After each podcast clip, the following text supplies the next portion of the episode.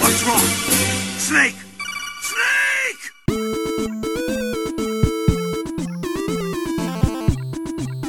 Drodzy słuchacze, cześć, witam was serdecznie w 12 odcinku Gorących Krzeseł podcastu o grach komputerowych. Ja jestem Krzysiek Ceran, a przy mikrofonach w innych częściach Warszawy siedzą Ocia Cześć. i Kamil Borek. Hej! I mamy dla was tradycyjnie temat tygodnia, ale najpierw równie tradycyjnie porozmawiamy sobie o tym, w co ostatnio graliśmy. I Kamil, co, co ostatnio miałeś na... nie na tapecie? Gdzie W torebce. Nie, to nie ten podcast. to nie ten podcast, w torebce, tak. Na Pewnie. dyskietce. Tak, moja ostatnia gra z dyskietki. em, Zdziwicie się, ale moja się zmieści na dyskietce. A moja pewnie też, ale... moja zdecydowanie nie. E, moja się zmieściła na e, Epic Game Store, który ostatnio wystartował. Postanowiłem jakby sprawdzić, kupić sobie pierwszą grę na, na nowym sklepie, który ma wspierać twórców. No, Epic wystartował ze swoją konkurencją dla Steama, ponieważ i tak mieli Fortnite'a i musieli tam jakieś obsługiwać pierdyliardy pierdobajtów, e, więc postanowili otworzyć swój sklep i e, tyle, że oni zabierają 12%, podczas gdy Steam zabiera bodajże 25%, a jeszcze ostatnio była kontrowersja z tym, że em, Steam postanowił obniżyć swoją marżę, ale tylko dla em, wydawców, których gry zarabiają tam powyżej, nie wiem, tam 50 milionów czy iluś tam, e, po to, żeby właśnie im Ubisoft czy inne Bethesdy nie uciekały na swoje własne systemy, więc Epic postanowił to wykorzystać i stworzyć swój e, sklep na zasadzie patrzcie, my tu wspieramy twórców, zabieramy tylko 12%, a nie ćwierć. E, więc stwierdziłem, że okej, to zobaczę, zobaczę o co chodzi. Jakby sklep działa jak na razie, wszystko, wszystko w porządku. Wszystko działało szybko i sprawnie. No dobra, nie trzymaj nas w niepewności. Co sobie kupiłeś? Gra się nazywa Ashen. A-S-H-E-N. Popielasty. Coś w tym stylu. E, wydany przez Anna Perna. E, jednego z takich większych wydawców indie ostatnio. E, bodaj, Słyszałem w kontekście tej gry słowo Souls-like. Tak. To jest e, niemal Souls Clone e, pod wieloma względami, przynajmniej jakby takimi typowo mechanicznymi. Znaczy sterowanie jest e, niemal bezpośrednio wzięte z Soulsów, nic nie jest zmienione, to znaczy jakby atak jest pod prawym bumperem, ciężki atak po, pod prawym triggerem, z lewymi przyciskami się używa tarczy i te, tego typu rzeczy. Jakby bronie też są podzielone w ten sposób, że no, jakby możesz mieć broń jednoręczną i tarczę albo dwuręczną. E, w, jeśli atakujesz, to nie możesz. E, dopóki nie skończy się animacja, to nie możesz podjąć następnego ciosu e, czy, czy też uniku. E, jakby wszystko mechanicznie przypomina bardzo Soulsy. Mm, różnica jest duża w klimacie i w stylu stylem graficznym to bardzo mocno przypomina, to też pewnie niewielu osobom powie, bo to niszowa gra, ale była taka gra Absolver niedawno. Um, bijatyka.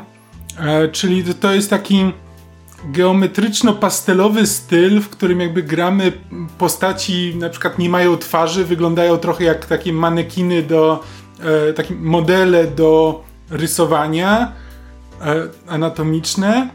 E, w- Te a takie wszystko- małe drewniane figurki, które zalegają w epikach. Dokładnie, dokładnie. A, a, wszystko, a wszystko dookoła jest takie.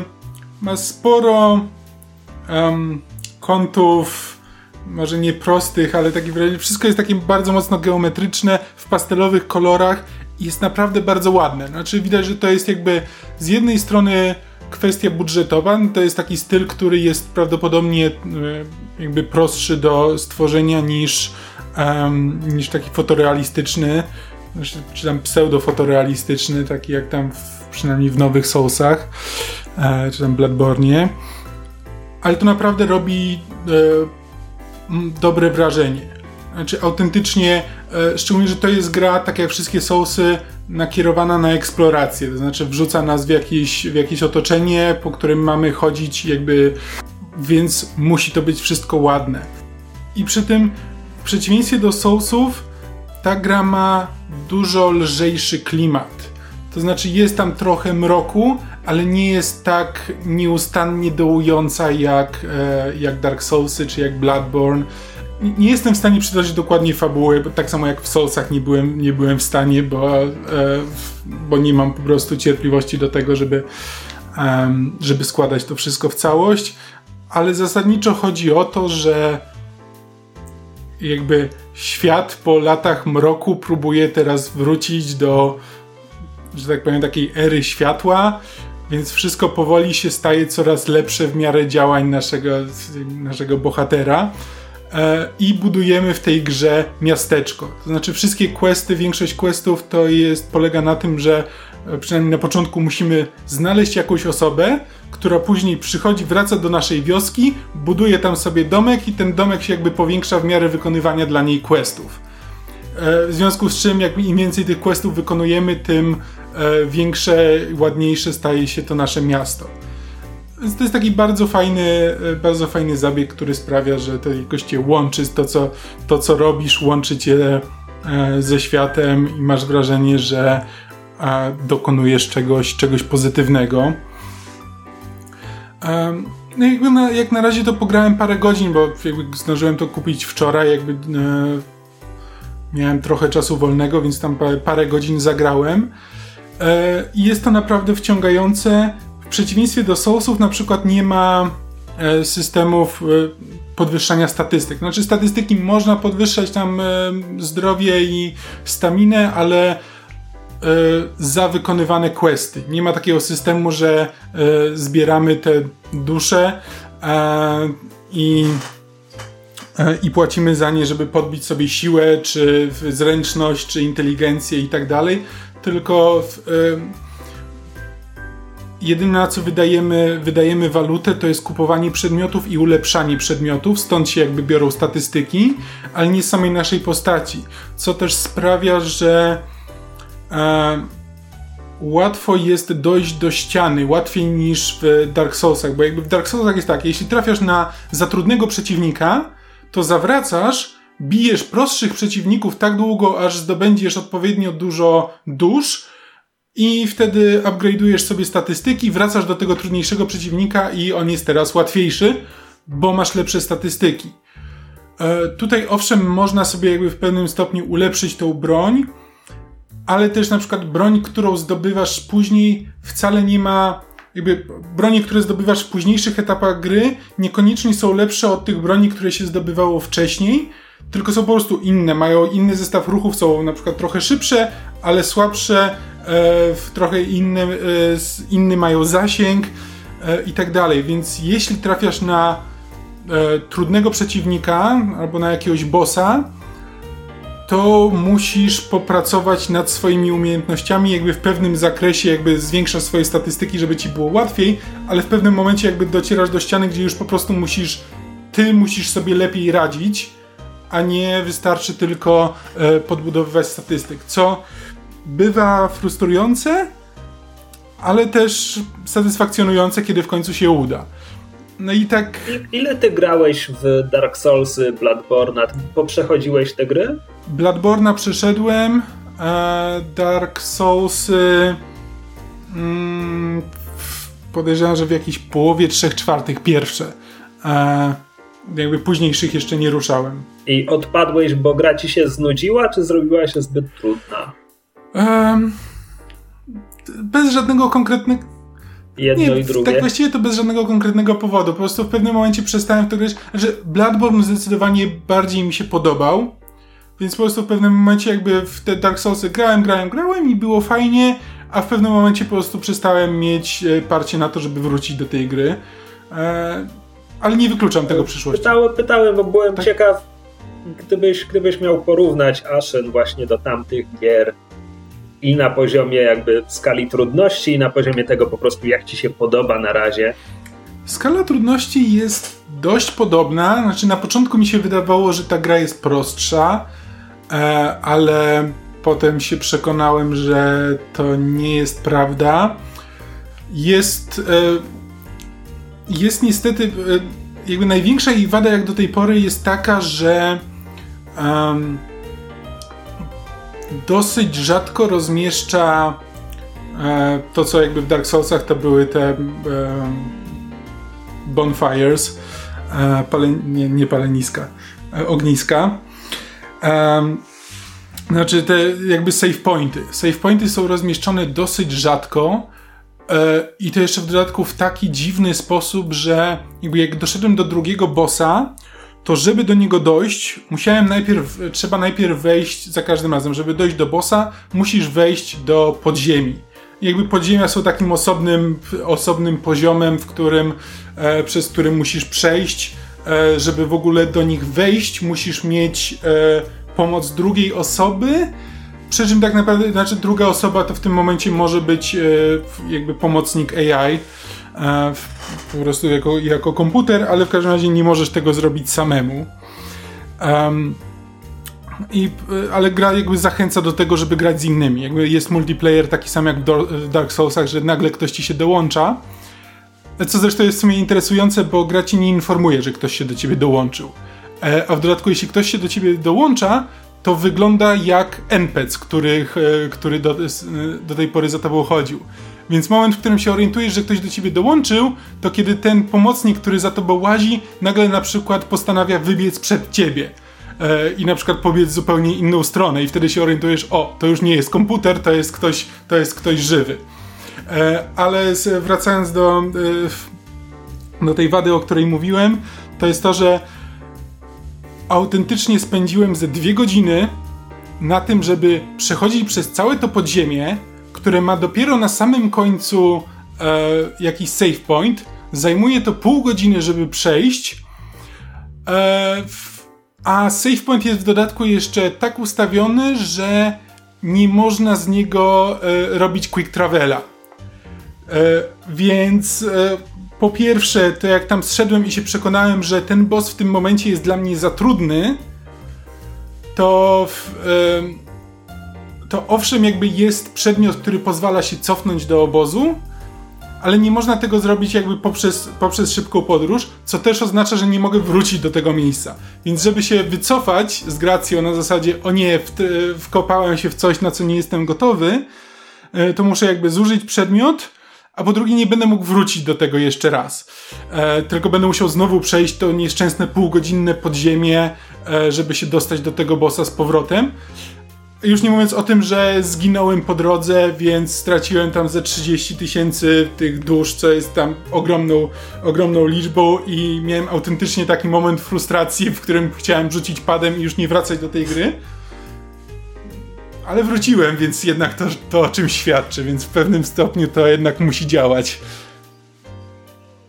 Na razie masz zamiar dalej walić głową. Znaczy, już, prze, już ten moment przeszedłem i jakby dalej jak na razie sobie radzę z powrotem. I znowu parę razy przeszedłem i parę razy straciłem znowu te nieszczęsne dusze. Ale to brzmi e... jak gra, która cię nienawidzi. Ale no, ale jakby to są te momenty frustracji, które są wpisane w tę grę, jakby jestem już tego nauczony po Soulsach, jakby jestem mam, że tak powiem, zestaw narzędzi do radzenia sobie ze stratą. I tego, tego te gry najlepiej uczą. Okej. Okay. Coś jeszcze, czy przechodzimy do następnej? Możemy przechodzić dalej. No dobra, Ociu, to jaka twoja gra mieści się na dyskietce? Otóż e, ja w ramach przerwy od dużych tytułów na setki godzin sięgnęłam po małą indie giereczkę pod tytułem Orwell Keeping an Eye on You, bo dostałam ją za darmo z Humble Bundle i stwierdziłam, że akurat się nada jako coś krótkiego i zupełnie innego typu niż y, te zręcznościowe tytuły, w które grałam ostatnio, bo to jest gra, e, powiedziałabym, tekstowa, to znaczy e, interfejs tej gry wygląda jak e, przeglądanie strony internetowej, połączone z przerzucaniem danych do kartoteki policyjnej i potem e, jakby aktywnością gracza jest czytanie tekstu. I, i, to, i to, to, właściwie tyle. Mm. Ale czekaj, Gra mówimy, o... mówimy o tej epizodycznej grze przygodowej? Tak, to jest y, w pięciu jakby, w pięciu epizodach ta, ta gra się ukazywała, pierwszy sezon. E, no teraz już dostępne są wszystkie, bo to gra z, z 2016 roku, stworzona przez niemieckie studio Osmotic. I fabuła polega na tym, że mamy sobie państwo, które nazywa się po prostu The Nation. Y, państwo takie policyjne o wysokim stopniu inwigilowania swoich obywateli, no i w tym państwie działa taki system komputerowy, który nazywa się Orwell, ha ha ha, cóż to może być, który polega właśnie na tym, że zatrudnia osoby które nie są obywatelami tego kraju, tylko osoby z jakichś innych krajów, i tu postać gracza, które właśnie przeszukując y, dane w internecie, przeszukując też później włamując się nawet do, nie wiem, komputerów czy telefonów obywateli, będą wyłapywać strzępki informacji, które uważają za istotne i przesyłać je do tej bazy, dany, bazy danych yy, policji. I gra zaczyna się od tego, że dochodzi do zamachu bombowego w centrum miasta, i my staramy się znaleźć osobę, która za ten zamach odpowiada, i tak trafiamy na trop takiej grupy wywrotowców.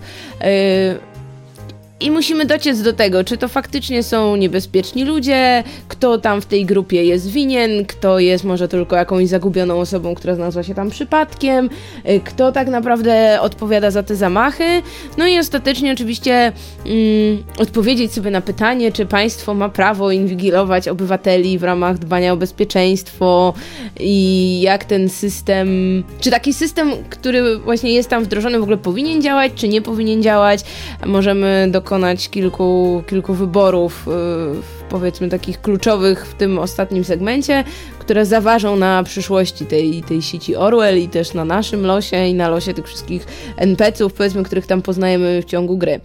Um, I to, to, jest krótkie, jakby każdy epizod trwa poniżej godziny, więc całość mi zajęła niecałe 5 godzin. I z jednej strony to była całkiem przyjemna rozrywka, taka polegająca głównie na czytaniu. Gameplayowo ta gra jest bardzo, bardzo nierozbudowana, bo to wygląda tak, że mamy, pod, mamy jakby zaznaczone mm, te takie elementy, nie wiem, fragmenty informacji, które w ogóle jesteśmy w stanie do tej bazy danych przerzucić, więc to nie jest tak, że możemy sobie, nie wiem, dowolny fragment uznać za ważny, tylko tak naprawdę mm, gra w jakimś sensie podaje nam na tacy to, czego możemy użyć. I jedyny wybór, jaki mamy, to czy jakąś informację przekazać, czy jakąś informację zataić. Y, plus pojawiają się takie fragmenty, że jakby mamy dwie informacje sprzeczne ze sobą, one wtedy są zaznaczone na inny kolor i jakby gra nawet nam podpowiada, które dwie informacje są ze sobą sprzeczne. No i musimy wtedy wybrać tylko jedną z nich, albo nie wiem, e, doczytując gdzieś coś, albo zdając się po prostu na przyczucie, która z nich jest prawdziwa, albo którą tak naprawdę chcemy przekazać. Niekoniecznie jakby to musi być ta prawdziwa, bo możemy manipulować faktami i możemy jakby decydować niejako o o, o, o losie ty, tych ludzi, których szpiegujemy, przez to właśnie jakie informacje przekażemy dalej, a jakie nie. Um, no i właśnie z tym podawaniem na tacy, to największy problem mam tak naprawdę z takim trochę łopatologicznym przesłaniem.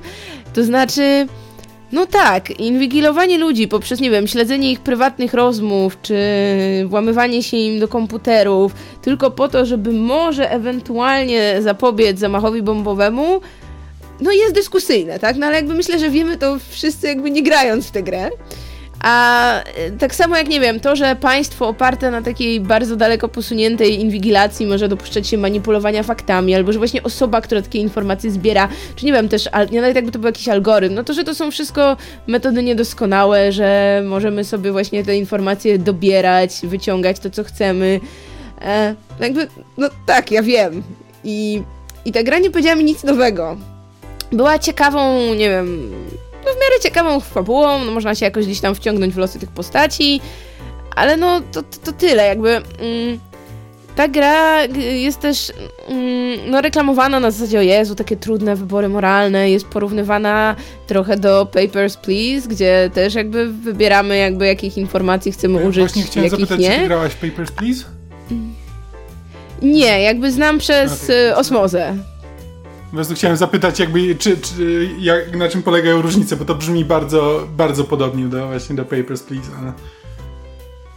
Jakby tu się nie odniosę, ale powiem tak, no jakby w Orwellu wszystkie te, nie wiem, wybory, których dokonywałam, no były oparte na jakimś takim moim gameplayowym wyrachowaniu i ja nie, nie, nie wiem, może to po prostu ze mną jest problem, bo to jest kolejny raz, kiedy ktoś mi mówi, ta gra powinna cię poruszyć, a no mnie nie porusza, no gra jak gra, no. twoją grę we Frostpunka, gdzie jakby, no, Dzieci trzeba zabrać do pracy, no bo wtedy, wtedy rośnie, rośnie dobrobyt całego społeczeństwa, więc czemu nie? No dokładnie, no. Tutaj, wiecie, gra, ja gram z takim założeniem, że no hej, ktoś, ja nie jestem obywatelem tego państwa, więc tak naprawdę nie interesuje mnie szczególnie to, co tam się dzieje. Ktoś mnie zatrudnia jako osobę, która ma przekazywać informacje policji, no to przekazuje informacje policji, tak? Trzeba tłuc KPI, więc zgarniamy wszystkich jak leci. Dokładnie, dokładnie. Każda informacja jest cenna, jeśli, nie wiem, e, ktoś wydaje się podejrzany, no to jak najbardziej, nie wiem, zgarnijmy go, przesłuchajmy go i, i no tyle, no. Mm, I jakby jeśli to, game... że stałaś się narzędziem aparatu totalitarnej represji, nie, nie poruszyło cię w żaden sposób. No może, no może w poprzednim wcieleniu, nie wiem, byłabym właśnie jakąś osobą zaangażowaną w działania opresyjnych państw. Nie, mam nadzieję, że nie. Um, to brzmi jakbyś w, każdy, w tym w wcieleniu razie... już była na to gotowa. E, jakbyście szukali kogoś, kto będzie inwigilował ludzi, tu jestem.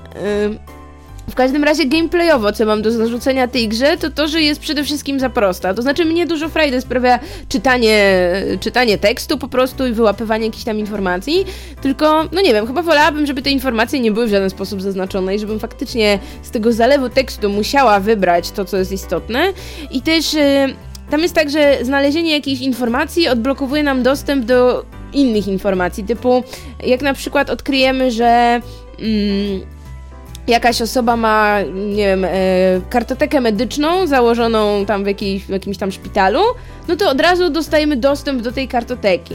A no nie wiem, ciekawsze byłoby to, jakby na przykład a, mieć dostęp ogólnie, nie wiem, do bazy danych tego szpitala i musieć sobie tam wyszukać tę osobę, no czy cokolwiek, jakby tam wszystko dostajemy, każda jakby, nie wiem, strona, która nam się pojawia do przejrzenia jest ważna, jakby nie ma, nie ma takiego momentu, że faktycznie trzeba się postarać, żeby coś znaleźć.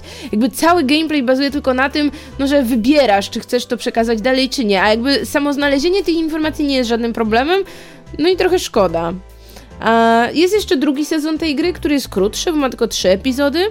I słyszałam, że generalnie jest mniej ciekawy niż ten pierwszy, no ale jeśli ktoś kiedyś da mi go za darmo, to pewnie sprawdzę. Wychodzi mi z tego, że jakby jeśli ktoś chce prowadzić udaną inwigilację jakby swojego państwa, to powinien to zgamifikować i to, e, to na 100% zadziała. Zresztą to wygląda na to, że Chiny zawojują świat, bo jeśli ktoś czytał, czytał różne newsowe stronki, to wprowadzają tam powoli taki system i Ocia, przeprowadzaj się.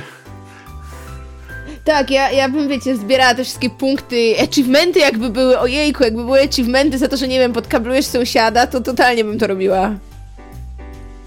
To dość przerażające. E, no słuchaj, ja zgłaszam jedno zastrzeżenie, ta twoja gra nie zmieściłaby się na dyskietce. Nie? A ja, a, a ja mówiłem całkiem poważnie, że moja by się zmieściła, ponieważ e, rozgrzebałem Dragon Age Inquisition, ale nie na tyle, żeby coś o tym mówić. Więc szukając tematu, postanowiłem sprawdzić grę z listy, znaczy grę, którą wielokrotnie widywałem na listach najlepszych, najciekawszych, darmowych gier do znalezienia w internecie. I w związku z tym zagrałem ze znakiem zapytania w grę ze znakiem zapytania pod tytułem My Father's Long, Long Legs a dodałem te znaki zapytania, ponieważ to jest gra e, zrobiona w systemie Twine, czyli to jest zasadniczo interaktywna fikcja. Zasadniczo przeczytałem sobie opowiadanie, czasami klikając rzeczy, więc pytanie, czy to jest gra. Ja zazwyczaj, ja zazwyczaj bardzo inkluzywnie do tego podchodzę i mówię, że tak, jak najbardziej. Wszystkie te eksperymentalne rzeczy są grami, są interaktywne. Natomiast skończyłem czytać My Father's Long Long Legs i musiałem sobie zadać to pytanie raz jeszcze. Ale zacznijmy od początku. To jest gra napisana przez niejakiego Michaela Lutza. Nie wiem, czy on potem poszedł w jakieś inne gry, która jest, jako się rzekło, interaktywnym opowiadaniem. To znaczy, wyświetlają ci się fragmenty tekstu, musisz coś kliknąć, żeby wyświetlił ci się kolejny, czasami to kliknięcie oznacza, że masz jakiś wybór, bo wyświetla ci się, nie wiem, to jest od jednego zdania do akapitu tekstu, w którym jedno lub więcej słów jest podkreślone, musisz kliknąć jedno z podkreślonych słów, żeby pojawił ci się następny akapit tekstu. Przy czym tak zasadniczo działa Twine. Natomiast w My Father's Long Long Legs, od teraz może będę mówił tylko Long Legs, żeby było szybciej, e, tych sytuacji, w których faktycznie masz jakiś wybór, masz jakiś wpływ na treść, która zostanie ci wyświetlona, jest bardzo niewiele. E, a kiedy już się zdarzają, to dotyczą głównie kolejności tego, w jakiej wyświetlą ci się kolejne akapity tekstu. Od razu mówię, jakby nie podszedłem drugi raz, więc teraz opieram się na mojej intuicji, na tym jakby co przeczytałem, jak wydaje mi się, że to jest skonstruowane. Wydaje mi się, że te wybory są kompletnie nieznaczące, znowu stawia pod, pod znakiem zapytania e, kwestię interaktywności tego tytułu. E, ale powiedzmy sobie, o czym to jest. Long Legs to jest narracja pierwszoosobowa, opowiada historię mm, narratorki o jej ojcu, o jej dzieciństwie, o tym jak dorastała w trochę dziwnym domu z trochę dziwnym ojcem, z matką i młodszym bratem. E, I zasadniczo od pierwszych akapitów mamy powiedziane, że jakby z tym ojcem w pewnym momencie straciła kontakt, że się wyprowadzili, że jej ojciec był dziwny, a potem zrobił się jeszcze dziwniejszy, a potem zrobił się e, dziwny e, w, w niewysłowiony, bluźnierczy sposób. E, tu już trochę dodaję od siebie. Bo mamy powiedziane, że pewnego dnia ten ojciec zszedł do piwnicy i zaczął kopać. I, I to był jego projekt. Projekt, który się rozrósł, bo on tam siedział i kopał, spełzał tam każdą wolną chwilę każdego dnia a kiedy zamknęli fabrykę, bo akcja toczy się gdzieś w tych w jednej z tych amerykańskich miejscowości, gdzie kiedyś była fabryka, a teraz już jej nie ma i wszystko popada w ruinę, to kiedy zamknęli fabrykę, to już mógł po prostu siedzieć w piwnicy przez całe dnie i nic i tylko kopać.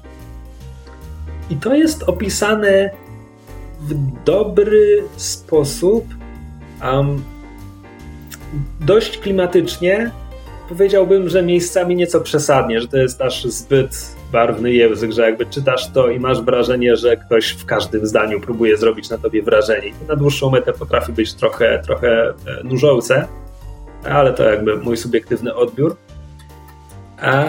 I to jest historia, powiedziałbym, grozy z pogranicza takiej po prostu dziw, bardzo dziwnej anegdoty i, i grozy.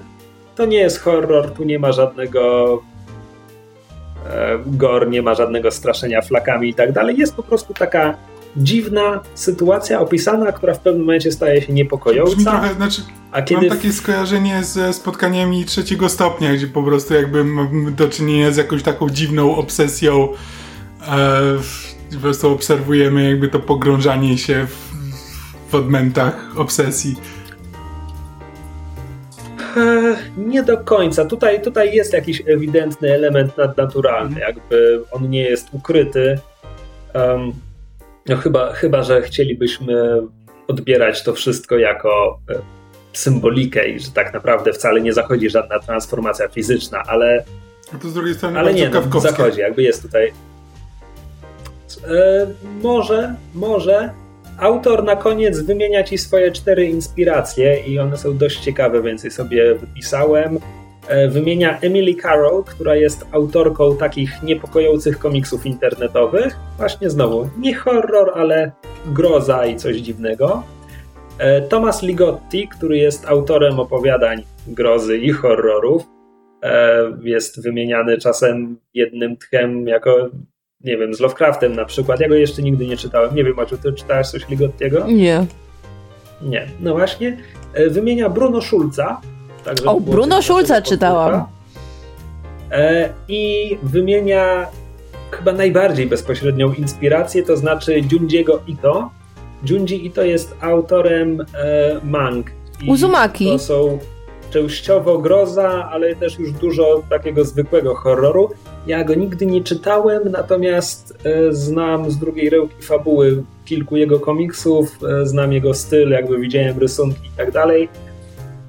Wiesz co, on wydaje takie antologie grozy. E, chyba u nas się ukazał jego cykl Uzumaki. No właśnie, Uzumaki i jeszcze o. chyba coś. W każdym razie ja go mam. Jakbyś kiedyś chciał, to, to, to krzycz. Może. Ja nie jestem fanem horroru. Ale może. W każdym razie i, I, autor jakby bardzo otwarcie, autor Longlegs e, jakby nie tylko wymienia te inspiracje, to są również linki, więc je klikasz i one cię odsyłają od razu do jakby linka Junjiego Ito odsyła cię od razu na wiki Junjiego Ito konkretnie do opisu, chciałem powiedzieć opowiadania, konkretnie do opisu komiksu, z którego autor Longlegs po prostu wziął szkielet fabuły. Tylko, że w komiksie Ito chodzi o to, że e, ojciec bohaterki miał obsesję, że otworzy tę taką, jak to się nazywa, taka japońska łaźnia, e, do której przychodzą ludzie, tylko że potem Aha, bo on kopał w swojej piwnicy, bo był przekonany, że tam jest źródło i faktycznie odkrył źródło, tylko że został jakoś strasznie poparzony, ale potem mimo to otworzył tę łaźnię i działy się rzeczy. W każdym razie a, to jest doświadczenie, które zajmie ci 20 minut z życia mniej więcej, może trochę więcej. Czy to jest gra? Trochę się klika. W pewnym momencie pojawiają się jakby dodatkowe E, bodźce, to znaczy masz powiedziane od początku, żebyś e, grała w słuchawkach, bo pojawią się efekty dźwiękowe i faktycznie są. W pewnym momencie bohaterka jest w ciemnym miejscu i wtedy masz po prostu czarny ekran i kursor się zamienia tak jakby w światło latarki i szukasz po ekranie, gdzie jest tekst, który masz przeczytać.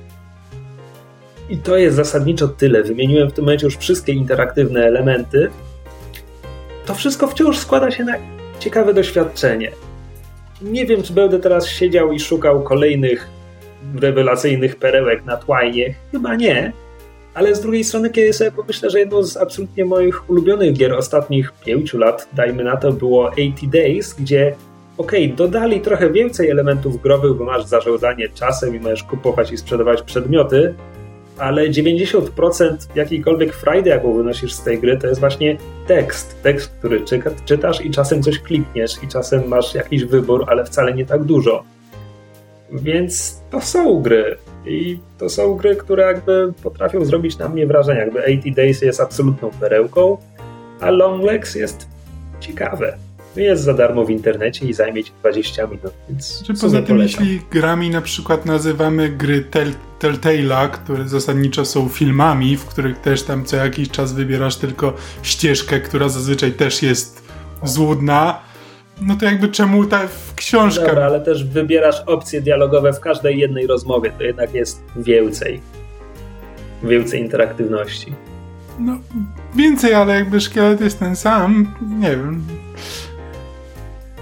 No tak, tak, jakby tak, ja, ja, jestem zdania, że to są gry. Po prostu przy Longlegsach musiałem jeszcze raz zadać sobie to pytanie i przeanalizować swoje uczucia i ostatecznie tak, to jest gra. Mimo w najgorszym wypadku jest to gra paragrafowa. Dobra, myślę, że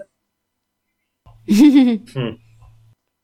e, nie, w grze paragrafowej masz więcej okay, wyborów niż tutaj. To może to jest po prostu interaktywne opowiadanie. Tak, ale czy to, czy to jest gra? Nieważne. E, myślę, że każdy słuchacz może zapoznać się z My Father's Long Long Legs i sam sobie odpowie na to pytanie. My tymczasem przejdźmy wreszcie do naszego tematu tygodnia. A teraz krótka przerwa na reklamę. To tango umarłych, to tango umarłych. Tych, co odeszli i nie wrócą już. Więc spójrzmy ramiona, ty potępiona, duszeczko biedna, kroki tanga znasz. Pam, pam.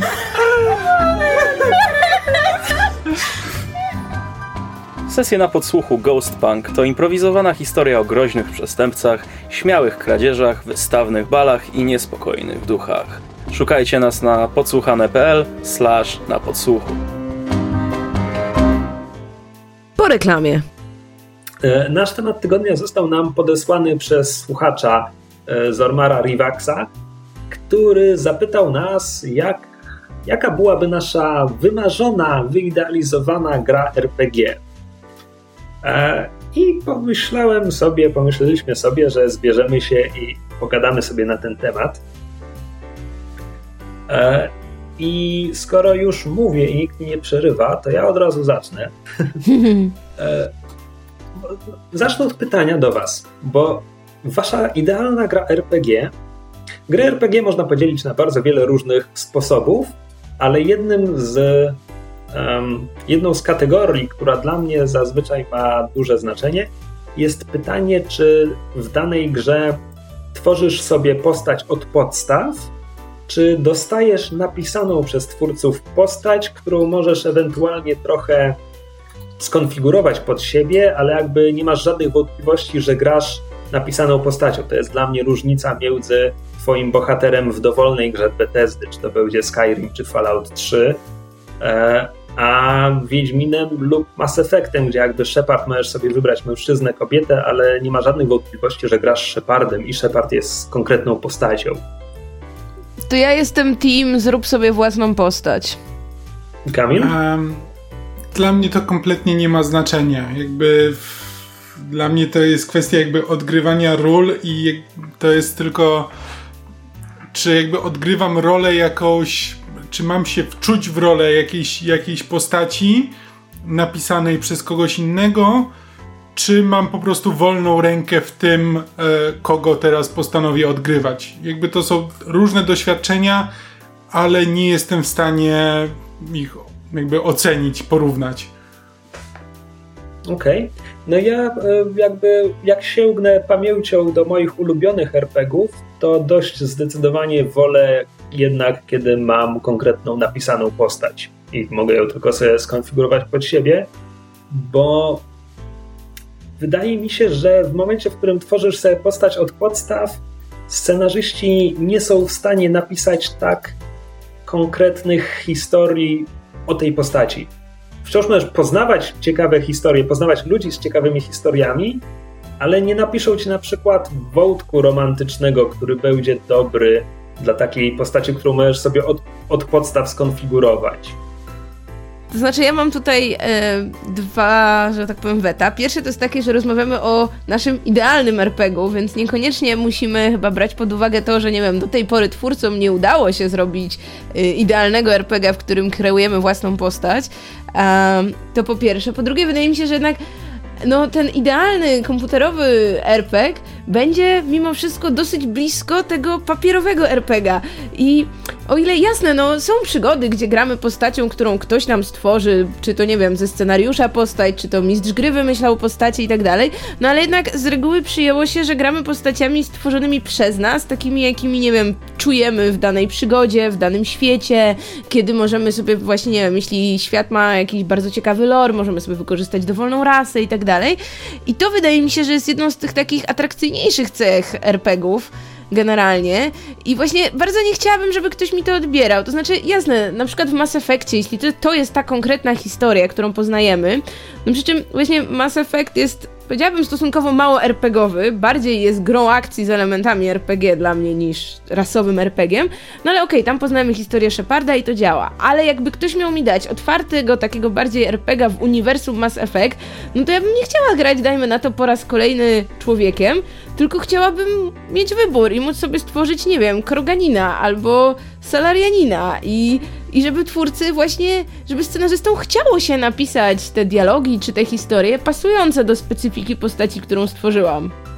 Okej. Okay. Nawet, czekaj, nawet jeśli chociażby miało być to na takiej zasadzie, jak było na przykład w pierwszym Dragon Age'u, czyli w Origins, kiedy dostawaliśmy, powiedzmy, takich tam chyba sześć archetypów, y, dla których właśnie tam te scenariusze były napisane, no ale jakaś dowolność to zawsze była. Okej. Okay. No, ja to sobie zawsze porównuję, no wiesz, jeśli rozejrzymy się po istniejących RPGach, e, no to Bethesda zawsze daje ci piaskownicę i tworzysz sobie dowolną postać i, i nie ma gry Bethesdy, która zaoferowałaby mi ciekawą historię, a ja jednak po to gram w te, w te gry.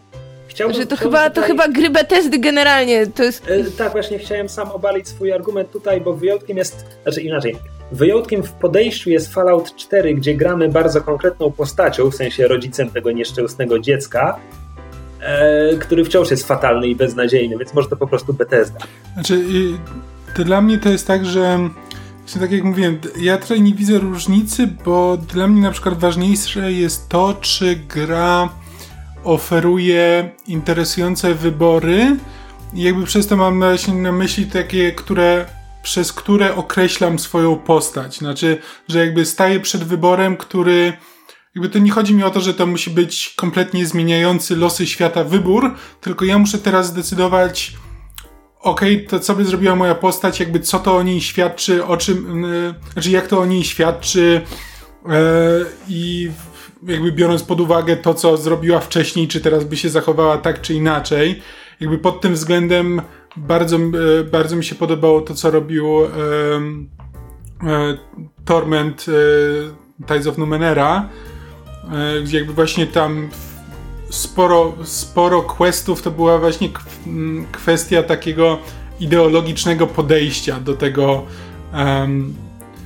że jesteśmy po prostu postawieni przed dziwacznym wyborem, który absolutnie nie miałby jakby miejsca w naszym świecie, bo jest, bo, bo cały ten, e, cała ten Menera jest dziwna, ale jakby musimy zdecydować, e, kim jesteśmy.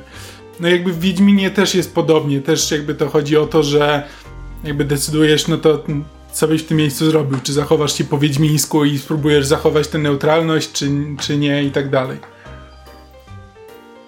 Okej, okay, no to Torment jest właśnie grą, gdzie grasz bardzo konkretną postacią.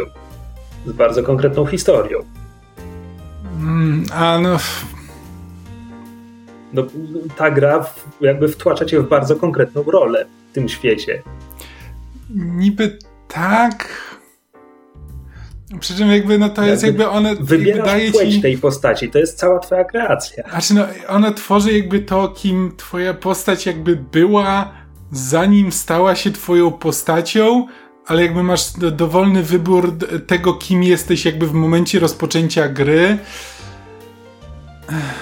No dobra, ale jakby moim zdaniem pierwszy play, znaczy pierwszy, tor, pierwszy Torment Planescape też jakby opowiada Nie, bardzo konkretną Planescape jak najbardziej. Moim zdaniem jakby dużo bardziej niż, e, niż Numenera. Okej. Okay. No dobra, po tej pierwszej rundzie pytań widzę już, że my we trójkę nie wykreujemy jednej spójnej wizji idealnego RPGa, bo e, fundamentalnie się różnimy. E, więc e, mam jeszcze kilka takich pytań pomocniczych, jeśli pozwolicie. E, kolejne to czy taki wasz idealny RPG to, byłby, to byłaby gra drużynowa, czy gra, w której odpowiada się tylko za swoją postać? Ja chcę odpowiadać tylko za swoją postać, ale to głównie ze względów praktycznych, to znaczy w większości wypadków po prostu nie chce mi się żonglować menusami i e, kombinować z więcej niż jedną postacią. Znaczy jakby chcę się skupić jakby na scenariusz dotyczących jednej postaci, a nie musieć myśleć jeszcze o całym szeregu możliwości związanych z innymi postaciami. Szczególnie, że no w większości gier to się sprowadza, to jakby nie kończy się tym, że e, sprawia, że te systemy są płytsze. Znaczy przez to, że jakby dla każdej postaci musisz e, przeprowadzić tam jakiś szereg czynności, to te, e, to te czynności nie mogą być zbyt wymagające, te systemy nie mogą być zbyt głębokie, bo człowiek by się pogubił. E, z kolei właśnie gdyby były tak głębokie, no to właśnie człowiek zaczyna się gubić, nie, nie ogarniesz tego wszystkiego jednym umysłem, więc to się robi e, zbyt dużo. Więc wolę, kiedy jakby mam do czynienia z jedną postacią, ale możliwości, które dają mi systemy są, są bardzo duże. A czy był, czy jesteś w stanie wyobrazić sobie taką idealną grę, w której chciałoby ci się zarządzać całą drużyną? Jak to musiałoby wyglądać? Nie wiem, czy, czy, to, czy to by było może coś w stylu właśnie X-Koma, gdzie jakby zarządzanie drużyną jest sprowadzone tam do jakby drzewka umiejętności.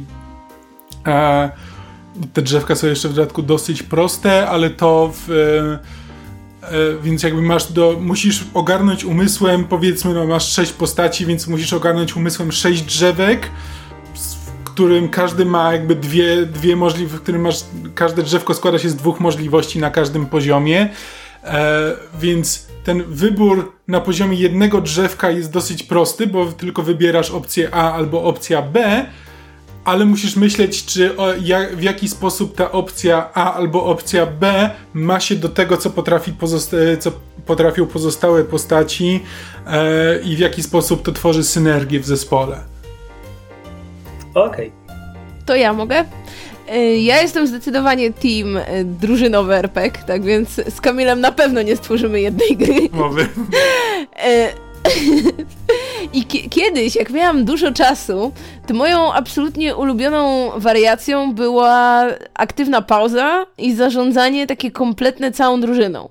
To znaczy, na pewno nie tworzenie drużyny, bo uważam, że tworzenie całej drużyny to jest najgorsza rzecz, jaką można robić w RPG-u. Jakby mam stworzyć swoją postać, a drużyna ma mieć właśnie te napisane charaktery przez scenarzystów i jakby ma mieć taki nakreślony ten początkowy rozwój, no czyli właśnie tam wybraną jakąś klasę, wybrane jakieś umiejętności, no i ja w ramach tych ich e, predyspozycji powiedzmy rozwijam je dalej. No i właśnie w czasie walki sprawuję całkowitą kontrolę nad wszystkim, co się dzieje na ekranie. Najlepiej właśnie z aktywną pauzą, nie w turach, bo tury są bez sensu. Ale jakby z czasem, też e, z, powiedzmy z jakimś takim. Mm, zostaniem bardziej niedzielnym graczem, który już nie ma czasu rozkminiać tych 50 różnych umiejętności i też może jakąś taką, nie wiem, idącą większą potrzebą dynamiki rozgrywki. Mnie się najbardziej podoba ten system, który robi BioWare w ostatnich grach, czyli no w Mass Effectach czy w Dragon Age'ach, kiedy mamy tę drużynę i oni sobie biegną za nami i ja mogę wybrać, co oni robią, ale jeśli nic im nie wybiorę, to oni jakoś tam sobie radzą sami. I e, no też jakby ten ich rozwój jest w jakimś sensie ograniczony, no czyli nie mam, nie mam tej pełnej dowolności, kiedy mogę rozwijać każdego w absolutnie dowolny, wybrany sposób, ale mam jakieś tam właśnie to, nie wiem, to dwa czy jakieś tam trzy drzewka, kiedy powiedzmy, nie wiem, no wojownikowi będę wybierać tylko, czy ma, nie wiem, bardziej atakować, czy bardziej się bronić, czy ma mieć jeden miecz, czy dwa miecze i, i, i, to, i to tyle. Um, a już jakieś takie właśnie mikrozarządzanie podczas samej gry, no to pojawia się, nie wiem, pojawia się, jeśli mam na to ochotę, ale jeśli chcę jakby sterować tylko moją postacią, no to właśnie te pozostałe postaci poradzą sobie, biegając za mną w tle. Wydaje mi się, że e, Divinity, e, ten Original Sin dwójka miała całkiem fajny system, znaczy że teoretycznie ma dla ciebie przygotowane postaci, znaczy te, które spotykasz podczas swojej podróży, poza tym tam możesz też wybrać, czy chcesz stworzyć swoją postać zupełnie od zera, czy chcesz wybrać jedną z gotowych postaci, która ma konkretną historię. A po drugie, wszystkie postaci, które spotykasz, jakby też mają konkretną klasę, konkretny jakby zestaw umiejętności, ale też w momencie, kiedy je spotykasz, one pytają: Hej, zasadniczo to jestem łucznikiem, ale jeśli chcesz, to teraz mogę się szybko przeszkolić na maga i mogę ten. E, I wtedy możesz po prostu zmienić mu klasę, bo akurat wiesz, bo chcesz mieć tę postać w drużynie, bo, bo chcesz poznać jej historię, ale kompletnie ci na przykład jej klasa nie pasuje do, e, do teamu, więc zmieniasz ją w tym momencie. O Jezu, to by mi tak zepsuło imersję. Znaczy tak. Jakby to jest praktyczne, czaję to, ale nie. Divinity akurat nie imersją stoi. No prawda. No jak nie, tam każda beczka może wybuchnąć. Znaczy, to właśnie to ona stoi systemami, ale... No, no, jak w prawdziwym świecie, jak wiesz, rozlejesz olej i go podpalisz, kabum. Tak, jak, jak byłem na działce u dziadków, za każdym razem jak uderzałem w beczkę z deszczówką, to eksplodowała. E, ja, ja siedziałem cicho podczas tej rundy, bo szczerze mówiąc nie mam silnego przekonania w jedną i w drugą stronę, w sensie odpowiadają mi oba typy RPGów, jakby, że odpowiadam tylko za swoją postać, albo że mam całą drużynę, odnajduję się w jednym i w drugim. A moje kolejne pytanie pomocnicze płynie bezpośrednio z tego, bo dotyczy walki w RPGach, ale wydaje mi się, że jak zaczniemy ten temat, to się rozgadamy na bardzo długo, więc może, żeby to przełamać, jakoś inne pytanie. E, czy preferujecie, jeśli w ogóle macie jakąś preferencję, e, gry, które korzystają z już jakiegoś istniejącego świata wymyślonego, czy gry, które wprowadzają zupełnie własny, który poznajecie od zera, zaczynając grę? I czy taki wasz idealny RPG to właśnie oferowałby wam zupełnie nowy, nieznany świat, czy może macie jakieś książki, filmy, z których zawsze chcieliście zagrać w grę i nikt jej nie zrobił chwili? Hmm, znaczy, tak generalnie to mnie jest to dosyć obojętne. To znaczy, jeśli twórca prowadzi, jeśli twórca potrafi fajnie wprowadzić ten swój świat i mnie to uniwersum wciągnie, no to super. I potem, jak powstanie, nie wiem, kolejna gra w tym uniwersum, no to jakby wiadomo, że pobiegnę w podskokach, ale no często u mnie jest tak, że nawet jeśli jest sobie RPG, który oparty jest na jakimś tam istniejącym świecie, właśnie nie wiem, papierowego RPGa, czy jakiegoś tam marki uznanej gdzieś tam od dekad, to ja najczęściej tak tego nie znam. Jak zaczynałam grać y, w te wszystkie gry, nie wiem, osadzone w Forgotten Realmsach, no to ja, ja nie znałam tego świata. Yy, czy no, no nawet, mm, no okej, okay, Numenera byłaby tutaj tym wyjątkiem, no ale to tylko z uwagi na jakby naszą sesję. Ale generalnie dla mnie wciągnięcie się w jakiś świat nie jest absolutnie problemem. I. Yy, no i, i tak, a jeśli chodzi o wymarzony świat, to. To strasznie bym chciała zagrać w dobrego RPG w świecie gry o tron. Ten od Cyanide Studios nie był dobry, ale był ciekawy. Znaczy, ja mam podobnie jak chociaż, znaczy nie przychodzi mi do głowy świat, w którym konkretnie e, znaczy przede wszystkim, który znam na tyle dobrze, że to by miało dla mnie znaczenie, że dany RPG jest konkretnie w tym świecie. E, być może e, świat, jakby ogólne uniwersum White Wolfa, jakby wampir, wilkołak, e, cała reszta, to, to jest coś, co ale to głównie dlatego, że w tym momencie myślę o Vampire Masquerade Bloodlines, które jest dla mnie jakby niedoścignionym wzorem RPGa, jeśli nie koniecznie samej gry, która ma dużo, dużo problemów, ale, z, ale uważam, że właśnie pod kątem tego, czym powinien być RPG, e, robi bardzo dużo dobrze. Musiałbym, że to jest tak, musiałbym znać jakiś świat, gdybym na przykład bardzo dobrze znał świat Warhammera, no to wtedy dla mnie, wiesz, RPG, bardzo dobry RPG w tym świecie byłby super, bo jakby wypełniałby mi te luki pomiędzy tym, co już znam i miałbym odniesienia do tego, że o mój Boże, a te, wtedy, kiedy to się działo, to teraz się wydarza to i teraz moje działania mają wpływ na coś tam jeszcze innego. E, to by było fajne, ale niewiele mam takich światów, które znałbym na tyle dobrze, żeby to miało dla mnie znaczenie. I jakby jak do tej pory to mnóstwo RPGów, które mi się najbardziej podobało, to były właśnie światy, które. Znaczy. Nie no, z jednej strony to są światy, które istnieją, no bo na przykład właśnie jeśli Planescape, Planescape Torment bierze świat Planescape'a, ale też mam wrażenie, że jakby robi z nim na tyle dużo swojego, że to, że to jest Planescape nie ma aż tak dużego znaczenia, ale też nie wiem, bo Planescape'a nie znam na tyle dobrze. Możemy się zgodzić, że RPG komputerowe, które są oparte o świat, który wcześniej istniał wyłącznie jako RPG papierowy, to jest taka trochę osobna kategoria, no to wciąż jest jakby świat wymyślony na potrzeby gry. Innej gry niż ta komputerowa, ale to jakby jest raczej, raczej taka. No to prawda.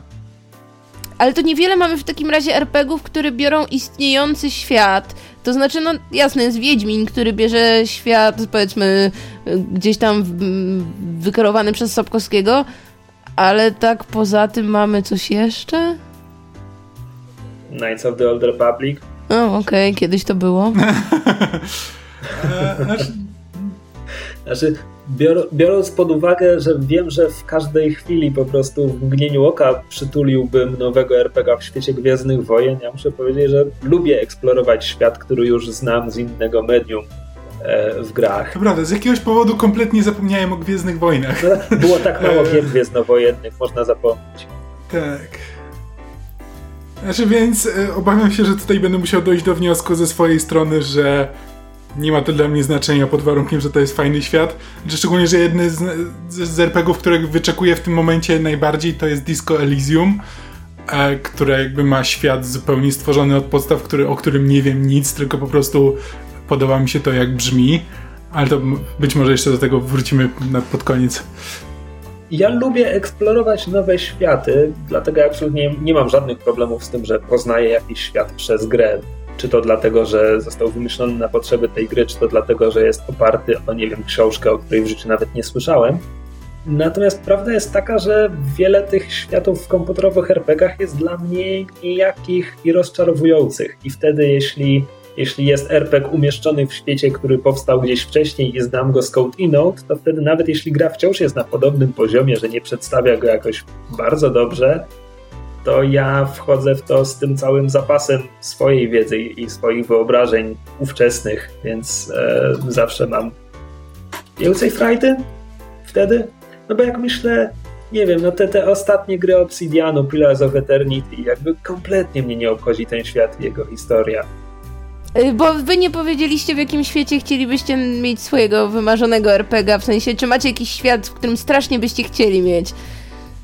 A, no ja bym na przykład, y, poza kolejnym RPG gwiezdnowojennym, byłbym bardzo ciekaw gry w świecie Awatara. Mam na myśli Anga, Kore i tych tamtych, nie Awatara Jamesa Camerona, bo kogo to obchodzi. E, bo uważam, że w dwóch serialach animowanych tam był znakomity world building i tam można by świetną historię opowiedzieć. I też te moce tych wszystkich postaci myślę, że bardzo ładnie by się przekładały na RPGowe umiejętności. I to mogłoby być coś ciekawego. Znaczy, dla mnie to musiałby być albo jakby podejście do właśnie tak jak powiedziałem, wampir, maskarada, albo ten, może być nawet wilkołak, albo mag na przykład, mag byłby super. Wilkołaka teraz robią. Też bardzo jakby do tej, nikt nie próbuje chyba robić e, superbohaterskich RPGów, takich RPGów RPGów. To znaczy, że gdyby w świecie Marvela spróbować zrobić coś, co jest autentycznie jakby e, ma historię, a nie jest tylko jakby naparzank, fabularyzowaną naparzanką, tylko jakby historią z wyborami, nie wiem, tworzymy własnego superbohatera i jakby musi, który musi tam znaleźć swoje miejsce w świecie, to, to by mogło być ciekawe. Tylko, że jakby nikt, nikt tego nie robi z jakiegoś powodu. No są MMO, no ale one sprowadzają się do naparzanek. Mm, tak, jakby MMO to jest, jest jakby zupełnie inna, inna kategoria. A czy, czy są jakieś elementy e, gier istniejących, które koniecznie byście zaimportowali po prostu w całości do, e, do swojego idealnego no to się łączy z moim pytaniem o walkę bo ja bym bardzo chciał RPG, który bierze walkę z jakiegoś gatunku, który potrafi w walki. Ja nienawidzę walk w RPGach. Znaczy, mi się wciąż marzy bardzo porządny RPG z walką z X-Koma. Tak, tak, mi też A, absolutnie. Jakby teraz gram w Mutant Year Zero, który jest blisko tego, ale to jeszcze być może w następnym odcinku powiem coś więcej, jak pogram Ja też jestem więcej. zainteresowany tą grą, bo nie wiem na ile ona właściwie jest RPG-iem, a na ile ona jest po prostu grą taktyczną mm. z trochę bardziej rozbudowaną warstwą fabularną. Tak, tak, to jest na pewno jej problem. To, y, niedługo ma wyjść ten coś tam Menhir, Druid Stone, coś tam. Się Druid Stone nazywa i ma jakiś bardzo Tak, to jest najgłupszy tytuł w historii też ma komputerowych. I szczerze mówiąc mam podobną obawę co do, co do tej gry. W sensie też nie wiem, czy to nie będzie po prostu gra mm. taktyczna, tylko że z postaciami, które mają jakieś charaktery. To jest jedna rzecz, którą bym na pewno zaimportował czy mogę zaimportować coś z nieistniejącej gry w wyidealizowanej przeze Pewnie mnie to, wersji? to jest i twój idealny znaczy, efekt. Dawaj. A, więc właśnie w, we wspomnianym e, w Disco Elysium nadchodzącym, jakby tam jest, przynajmniej z tego co rozumiem, jakby z zapowiedzi, tam jest taki system, gdzie aspekty twojej osobowości są jednocześnie twoimi statystykami i dyskusje, które prowadzisz, um, są jakby zależne od Twoich od Twoich statystyk i prowadzisz te dyskusje bezpośrednio ze swoimi statystykami. Znaczy, to brzmi absurdalnie, ale tam po prostu są takie systemy, gdzie no, na przykład. E, znaczy, teraz mówię z, z pamięci, bo nie, nie, to nie jest dokładnie to, co jest w tej grze, ale że na przykład, no, jeśli masz tam coś, coś co odpowiada za Twój egoizm, to prowadzisz rozmowę ze swoim egoizmem. Ale to nie, nie do końca o to mi chodzi. Chodzi mi bardziej o to, żeby. E, że chciałbym mieć jakiegoś RPGa, który ma też mechanikę e, opisującą jakby właśnie aspekty twojej osobowości. Jakby to jest też opisane mechanicznie w ciekawszy sposób niż właśnie charyzmę masz na 5 z 10, a siłę z 7 na 10, tylko żeby to um, żeby jakby mentalne um, mentalnie właściwości twojej postaci odby, odbijały się też na mechanice samej gry i miały na to jakiś wpływ. Interesujące. To jest taki bardzo ogólny, ogólny pomysł i właśnie dlatego też między innymi czekam na to Disco Elysium, ale właśnie chciałbym, chciałbym coś takiego, co nie skupia się tylko gdzie jakby mamy wybory w jednej części i walkę, która jest mechanicznie rozbudowana, tylko żeby te wybory i to, kim jest twoja postać, też mogło być mechanicznie rozbudowane. Nie mówię, że chciałbym to widzieć w każdym RPG-u, ale po prostu chciałbym coś takiego zobaczyć Okej. kiedyś. Ociu, ty byś chciała transplantować elementy z innych gatunków do RPGów? Z innych gatunków. Yy, czy z, i, z istniejących tytułów? Jedno lub drugie. Um, kurczę, na pewno chciałabym, żeby w większej sytuacji, w większej liczbie RPGów, czyli w tym moim idealnym RPG-u, e, był większy nacisk na to, że pewne sprawy można załatwić e, rozmowami. I żeby, I żeby nie wyglądało to tak jak w Numenerze, gdzie na jakimś etapie po prostu to i tak zależy od tego, jak tam rzucisz kostką, ile tam punktów na coś tam zaryzykujesz i tak dalej. No tylko faktycznie, żeby były jakieś opcje dialogowe, które nie, przy których nie masz napisane, że o, to wykorzysta twoją perswazję, a to wykorzysta twoje coś tam. No tylko prowadzisz normalną rozmowę i a nuż uda ci się tam kogoś do czegoś przekonać. To jest jedna rzecz. Druga rzecz jest taka, że ja nie cierpię... Mogę, mogę ci teraz No. przerwać, bo Mhm, ty się jasne. po prostu rozbijam twój temat. Nie wiem, ile ty w końcu rozegrałaś e, Deus Ex e, Mankind Divided. Trzy czwarte.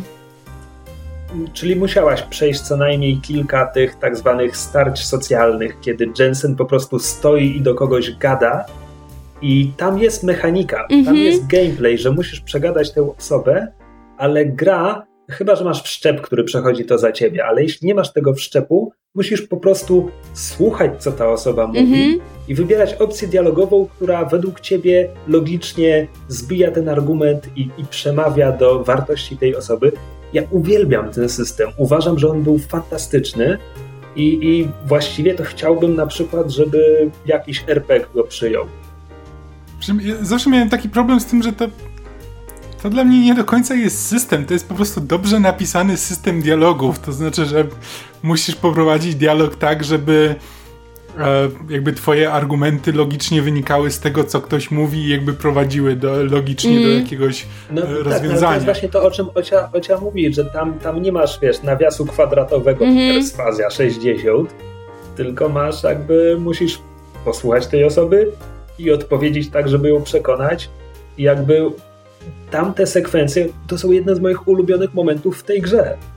E, Więc bardzo jakby to jest element, który zaimplementowałbym z innego gatunku. Dobra, Plus, jeszcze y, tak, tak, drugiego. tak. Ja bym jeszcze chciała to połączyć z czymś, co powiedzmy po części było w Bloodlines, no tylko, że tam było w takiej powiedzmy skrajnej formie, czyli tworzymy bohatera z jakąś osobowością i żeby ta osobowość warunkowała opcje dialogowe, jakie mamy. To znaczy, dlaczego nawiązuję do Bloodlines? No bo jak tam grałeś Malkawianem, to miałeś kompletnie z dupy i szalone opcje dialogowe, których nie miała żadna inna, powiedzmy, tam, e, żaden inny klan postaci.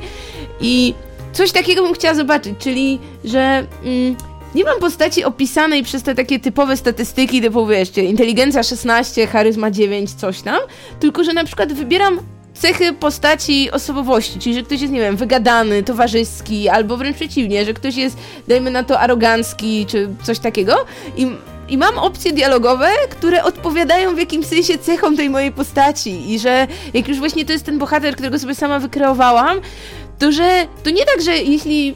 Bo, bo to jest trochę absurdalne, jak gramy, dajmy na to, w jakiegoś, nie wiem, Mass Effecta i cały czas jesteśmy mili, a i tak cały czas ta gra podsuwa nam te opcje, kiedy jesteśmy skrajnym dupkiem dla kogoś i to jest tak totalnie bez sensu. Jakby chciałabym mieć tych opcji... Yy, no też powiedzmy, nie wiem, ze trzy, ale jakby bardziej dostosowane pod moją postać. I ja wiem, że to, to brzmi ta- tak totalnie nierealistycznie, bo nikt by tej gry nie napisał, bo to by oznaczało miliony po prostu jakichś, e, wiecie, dialogów, których nie zobaczy 90% graczy, bo każdy gra kimś innym, ale po prostu tak mi się to marzy, żeby nasza postać właśnie miała jakąś osobowość i wtedy te opcje dialogowe gdzieś tam współgrające z jakimiś tam aspektami naszej osobowości. Z tego co wiem o Disco Elysium, ty też powinnaś się zainteresować Właśnie. tą grą, kiedy już wyjdzie. Właśnie chciałem powiedzieć, bo to mniej więcej polega na tym, że na przykład jeśli twoja postać jest leniwa, ale nagle chcesz zrobić coś, co wymaga od ciebie dużego wysiłku, to musisz e, odbyć starcie ze swoim Okej. lenistwem. Mentalne, me, mentalnie musisz wygrać ze swoim lenistwem. Tak, to są, to są tego typu rzeczy. E, ja bym właśnie.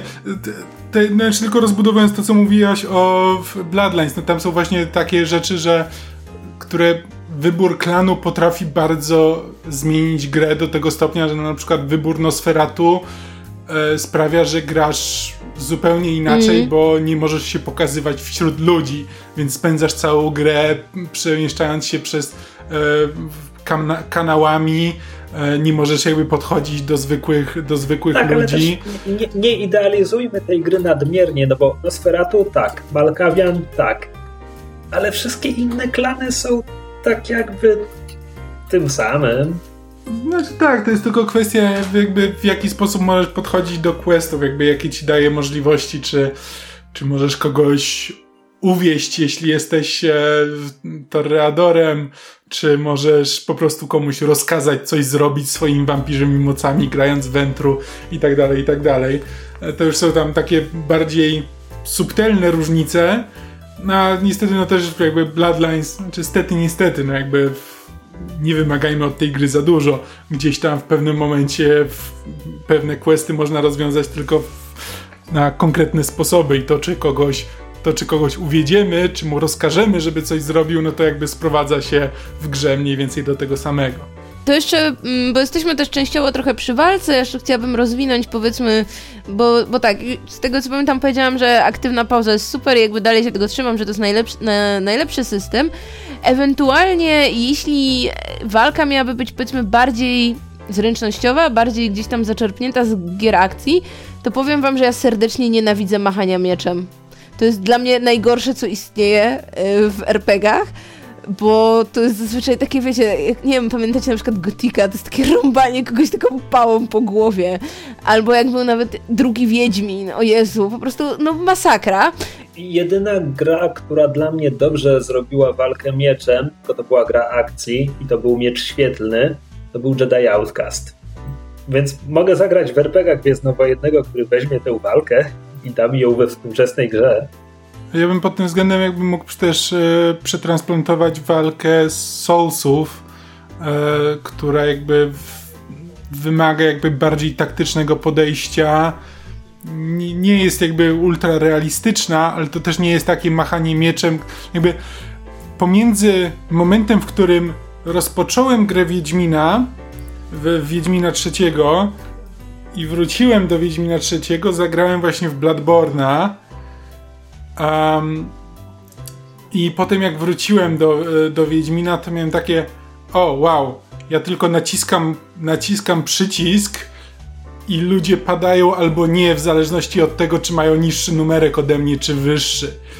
E, I to jest, to jest problem większości, znaczy nie większości, ale w, wielu takich te action RPGów, e, że po prostu jakby klikamy myszką, tam czasami coś zablokujemy, ale to się sprowadza do tego, kto ma wyższe numerki Słuchaj, ostatecznie. Kamil, bo my trzy razy przerwaliśmy oci i teraz mi głupio, więc... e, Nie, nie, spoko, spoko, nie, ja się zgadzam z tym, że właśnie takie mechaniczne połączenie numerków z właśnie akcją średnio się sprawdza tak naprawdę i y, wydaje mi się, że no na przykład chwalimy Bloodlines y, w wielu, wielu aspektach, ale ja na przykład uważam, że Bloodlines ma totalnie okropną walkę, ja po prostu nienawidziłam jakiejkolwiek walki w tej grze i ja pamiętam, że rozwijałam postać na strzelanie, bo wydawało mi się, że to jest mniejsza męka niż cokolwiek innego. I potem nie byłam w stanie skończyć tej gry, bo to moje strzelanie zawsze było za słabe w tych końcowych pojedynkach i musiałam kończyć tę grę na kodach. To, to, to była gra, która pozwalała ci strzelać,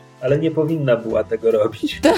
Aczkolwiek jakby, jak już mam wybierać, to wolę strzelanie niż właśnie walkę na miecze. I na przykład, nie wiem, strzelanie w Mass Effectach dla mnie było spoko i nawet jeśli gdzieś tam w tle były jakieś cyferki, to nie były tak dobitnie irytujące, jak właśnie na przykład w przypadku okładania kogoś tym mieczem po głowie i patrzeniu, że jego cyferki są niższe czy wyższe niż twoje cyferki. Ja, ja bym dodał do tego małą erratę strzelanie w Mass Effectach od drugiego w górę, bo pierwszy to była potaka jednak. Tak. Więc jak już to to, ale no jednak no w RPG nie gram dla dynamicznej walki, tak bym powiedziała i właśnie taka walka typowo, nie wiem, Dragon Age'owa i tak dalej byłaby dla mnie w zupełności wystarczająca. Gram właśnie w Dragon Age'a, nienawidzę tej walki. Przeszedłem, przeszedłem Dragon Age'a 2, był jeszcze gorszy pod tym względem. E, Pierwszy mnie znudził, więc nie pamiętam. Właśnie ja bym chciał, jeśli to byłby RPG drużynowy z walką, to ja bym chciał, żeby ona była naprawdę taktyczna i w tym momencie chyba znowu wracam do Tour i XCOMa, Albo nie, bo XCOM to jest dobry na karabiny, a tam się biją mieczami, więc szczerze mówiąc chciałbym nawet RPG, który miałby na tyle taktyczną walkę, jak nie wiem, Fire Emblemy, gdzie faktycznie moje decyzje coś zmieniają, a ja po prostu jak gram w te drużynowe RPG, to nie, nigdy. Jakby jedyny RPG, gdzie czułem, że coś robię, to Pillars of Eternity, bo tam był ten Friendly Fire, więc trzeba było uważać, gdzie stoi map i nawala kulą ognia. No i a tyle. Znaczy ja tylko w obronie jakby w obronie X-Koma i naparzania mieczami, no to jakby w drugim X-Komie jakby maczeta tam jest i jest dosyć ważną częścią jakby tych no systemów. tak, ale nie, nie przeprowadziłbyś ale... starcia sześciu żołnierzy z maczetami przeciwko sześciu kosmitom z, z, mieczami, jakby w tym momencie ten system nie zrobiłby tego ciekawie. No znaczy tak, jakby, znaczy moż, mogą, być, mogą być miecze pod warunkiem, że gdzieś tam są jeszcze magowie. Tak, tak, no tylko wciąż nie uważam, żeby ci z mieszami mieli coś ciekawego do roboty w tym systemie. Ale jasne, wyobrażam sobie, że na bazie X-Koma można by coś ciekawego zrobić. Ej, ale ten XCOM, o którym wy tak co chwila mówicie, to nawet nie jest RPG, no nie? Nie, nie. No. Okay. Mówimy o transplantowaniu mechanizmów z innych gatunków, to w końcu mm -hmm. wymyślamy naszego Jest. idealnego RPG. Mm. Ma, ma walkę turową, więc to jest jakby po prostu bardzo łatwo przełożyć na RPG. Jakby możesz po prostu to wyciąć i wkleić w RPG. Już tylko, żeby wykończyć temat walki. Ja nie wiem, czy to by działało i nie wiem, czy na dłuższą metę to nie byłoby irytujące, ale jestem ciekaw RPGa drużynowego, który miałby naprawdę zabójczy system walki, w sensie, że jeśli to są miecze, to ok, sparowałeś trzy ciosy, nie sparowałeś czwartego, koniec. I ja nie wiem, czy to nie byłoby cholernie irytujące, ale wydaje mi się, że wolałbym to niż walki, gdzie po prostu przez pół godziny tłukę pięciu gości i oni wciąż nie chcą paść, bo jakby strasznie szybko się zniechęcam w tego typu sytuacjach. Znaczy to znów XCOM ma taką walkę, gdzie jeden strzał potrafi cię po prostu na, nagle położyć znikąd, ale no już... E, Maciu, coś zaczęłaś? Tak, bo zastanawiam się, co sądzicie o skradaniu? Bo wydaje mi się, że to jest w wielu RPGach pojawia się ten element, zwłaszcza w tych, których gramy postacią pojedynczą, typu właśnie w Elder Scrollsach, mamy tutaj jakieś mechanizmy, zwłaszcza jak tam, nie wiem, robimy jakieś zadania dla gildii złodziei, coś tam, coś tam. Czasem w drużynowych RPGach też, przy czym tam to zawsze jest dziwnie, bo jeśli skrada się cała drużyna, to, to, to, to jest strasznie komiczne, bo oni nagle robią się tam strzaże i przemykają za krzakiem. Ewentualnie możesz rozdzielić drużynę, wysłać złodzieja, który gdzieś tam przemyka się w cieniu i coś tam, coś tam. Ale wydaje mi się, że te mechanizmy skradania w RPGach są z reguły strasznie biedne. I i że te gry by bardzo chciały, ale jak, jak zestawimy je, wiecie, z jakąkolwiek grą stricte skradankową, no to, no to to jest po prostu taka totalna porażka i wydaje mi się, że RPG powinny raz na zawsze ogarnąć to, że się nie skradamy. Nie mam nic przeciwko temu rozwiązaniu. tak jak przygodówki. Ej, patrzcie, jednak się zgadzamy, choć w tym jednym punkcie. Okej. Okay.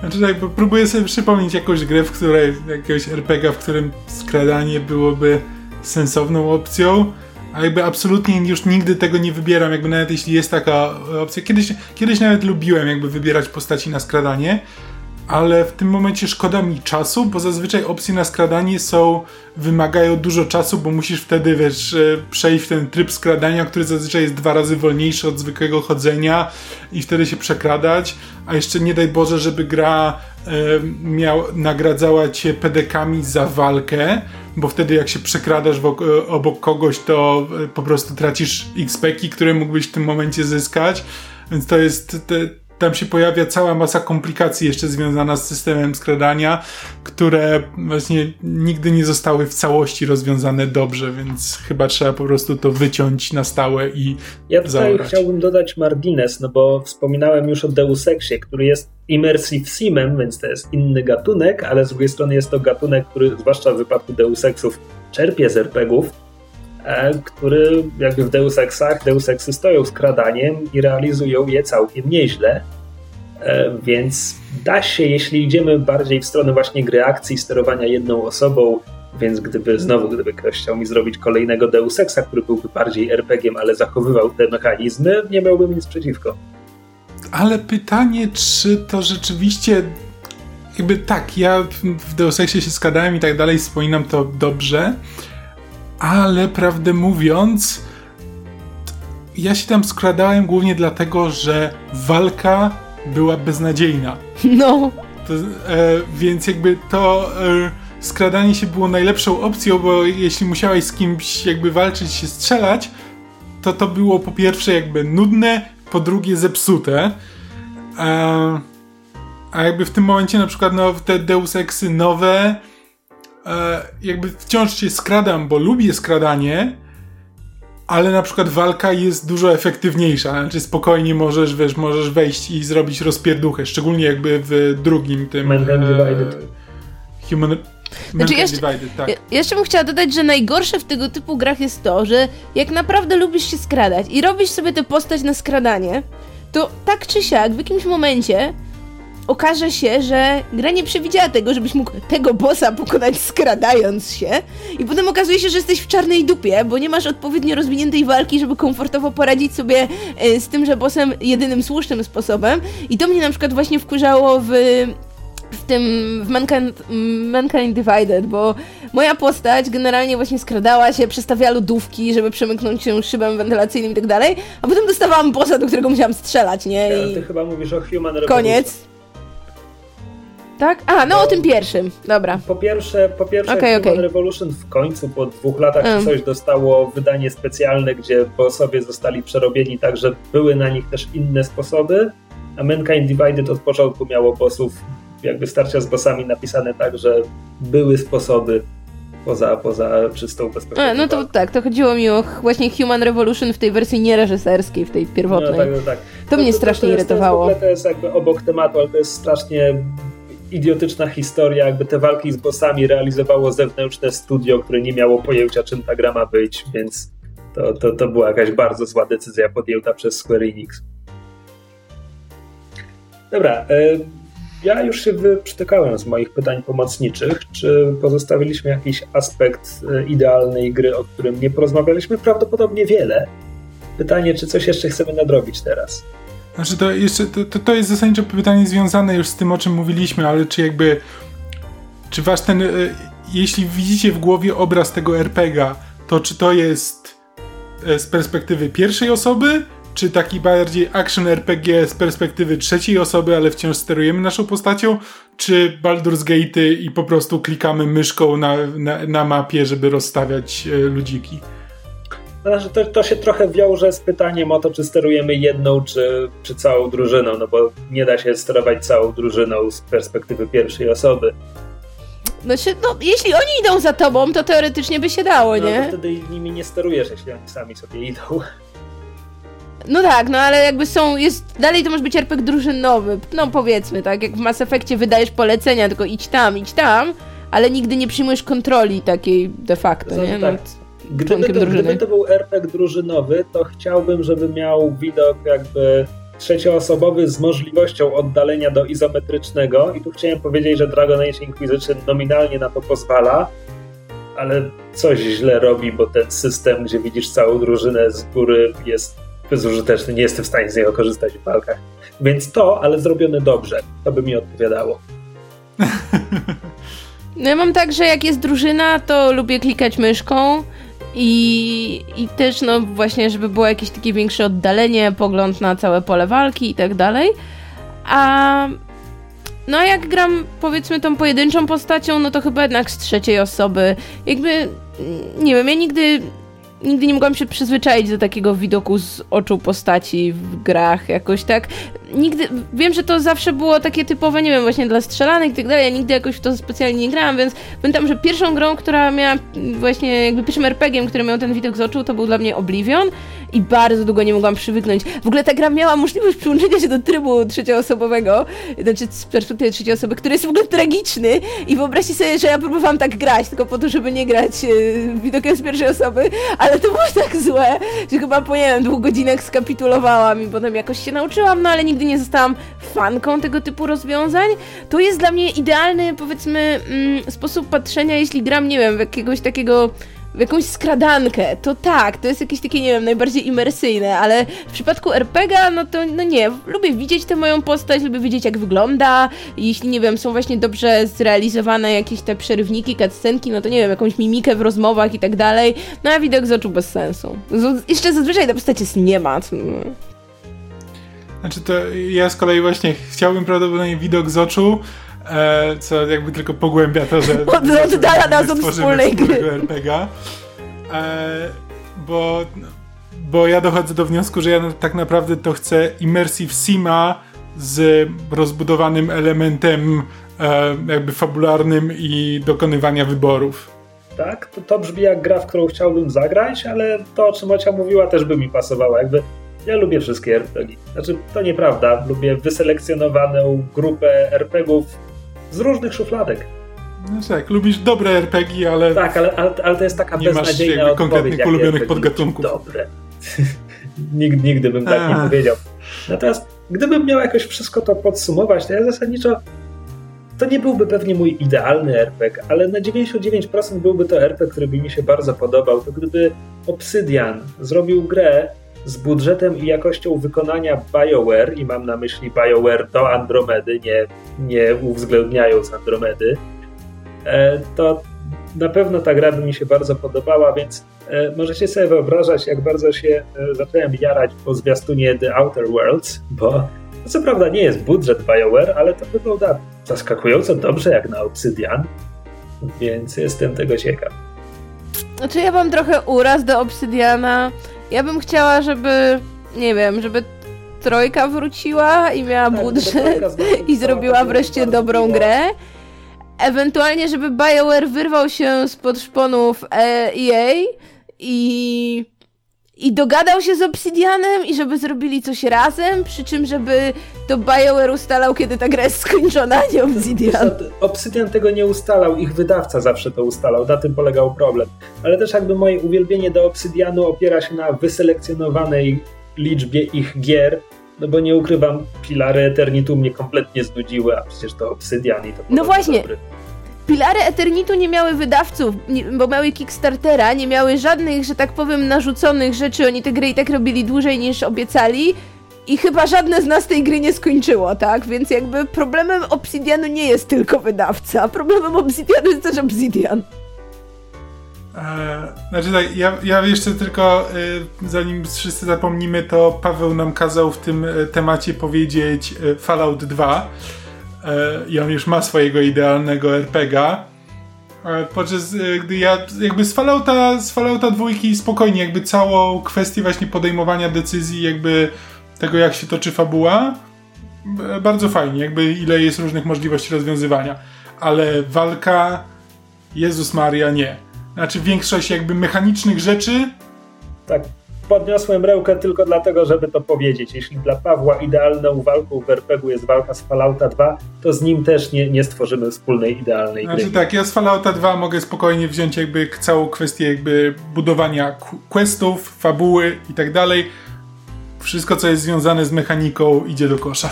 O, to to moje podejście do Arkanum jakby uważam, że Arkanum jest rewelacyjne i strasznie żałuję, że nie grałam w tę grę, jak miałam pokłady wolnego czasu, tylko już niestety dużo później, ale kocham świat tej gry, kocham to, ile możliwości jest w tej grze, nienawidzę tej turowej walki i mechaniki. Tak, Arkanum to też jest trojka właśnie i to jest jakby super pod kątem tego, jak to jest zbudowane właśnie, jak budowane są questy, e, fabuła, możliwości e, rozwoju postaci, fantastycznie.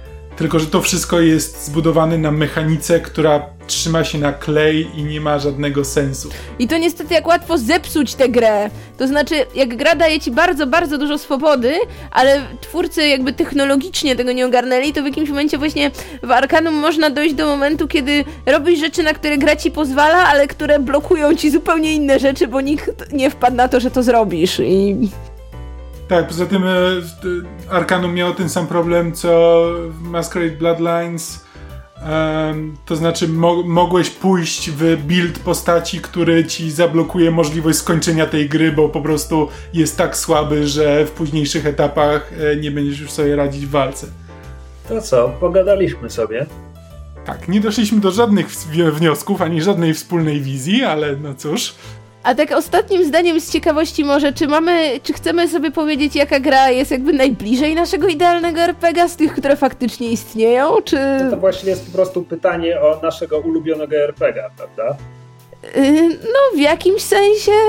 Znaczy, no to dla mnie prawdopodobnie, mimo wszystkich swoich licznych wad, to będzie e, Vampire Masquerade Bloodlines, bo nie wiem, kocham, kocham tę grę miłością wielką, wracam do niej regularnie jakby od lat, co, co, co, jakiś czas i wciąż, wciąż mnie bawi, mimo że już znam ją na wylot i jakby nic nowego mi nie oferuje, ale, ale wciąż mam ochotę do niej wracać i jakby spełnia dużo, e, dużo tych założeń, o których mówiłem już tutaj. Ociu? No właśnie ja się waham. Waham się między Planescape'em, bo, bo dialogi, bo fabuła i tak dalej, i między Baldur's Gate'em, jednak walki, które były tam dużo, dużo lepsze i w, wydaje mi się, że w drugim Baldur's Gate'ie to był po prostu ideał mojej walki drużynowej, kombinowania, taktyki, yy, dynamizmu i po prostu wykorzystania takiego stuprocentowego mechaniki i tych postaci. No plus relacje z drużyną tam były naprawdę super i w ogóle jak na czasy, kiedy ta gra jednak też powstawała, ile tam było interakcji między postaciami między sobą, między postacią gracza a postaciami z drużyny i a, tak, jakby mimo całej mojej sympatii do wszystkiego, co później robił BioWare, to wydaje mi się, że jednak e, tam im to wyszło tak dobrze, że że gdyby nie to, to jakby później nie dostalibyśmy tak naprawdę ani właśnie relacji tego typu w Dragon Age'ach, Mass Effectach i tak dalej.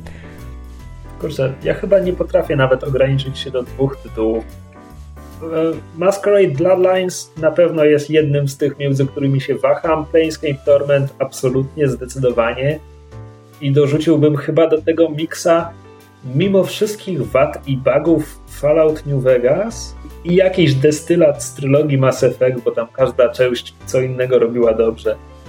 Tak, jakby ja nie powiedziałem Planescape Torment tylko, tylko dlatego, że wciąż jakby... Umówmy się, Planescape Torment Maskarada... to jest dobre interactive fiction, ale gameplay tej Dokładnie, gry... że chciałbym, żeby Planescape'a mógłby ktoś dla mnie wydrukować i miałbym z niego jakby więcej przyjemności niż y, grając w niego tak naprawdę.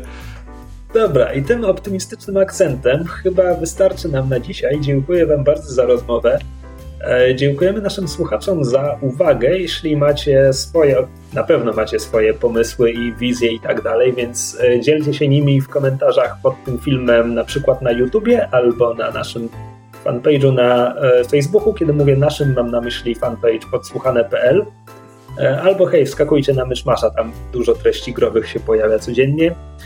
Możecie napisać maile na kontakt małpa podsłuchane.pl możecie nam e, wystawić recenzję na iTunes na przykład, bo to pomaga znaleźć ten podcast i popularyzować go i tak dalej, szerzyć kaganek oświaty.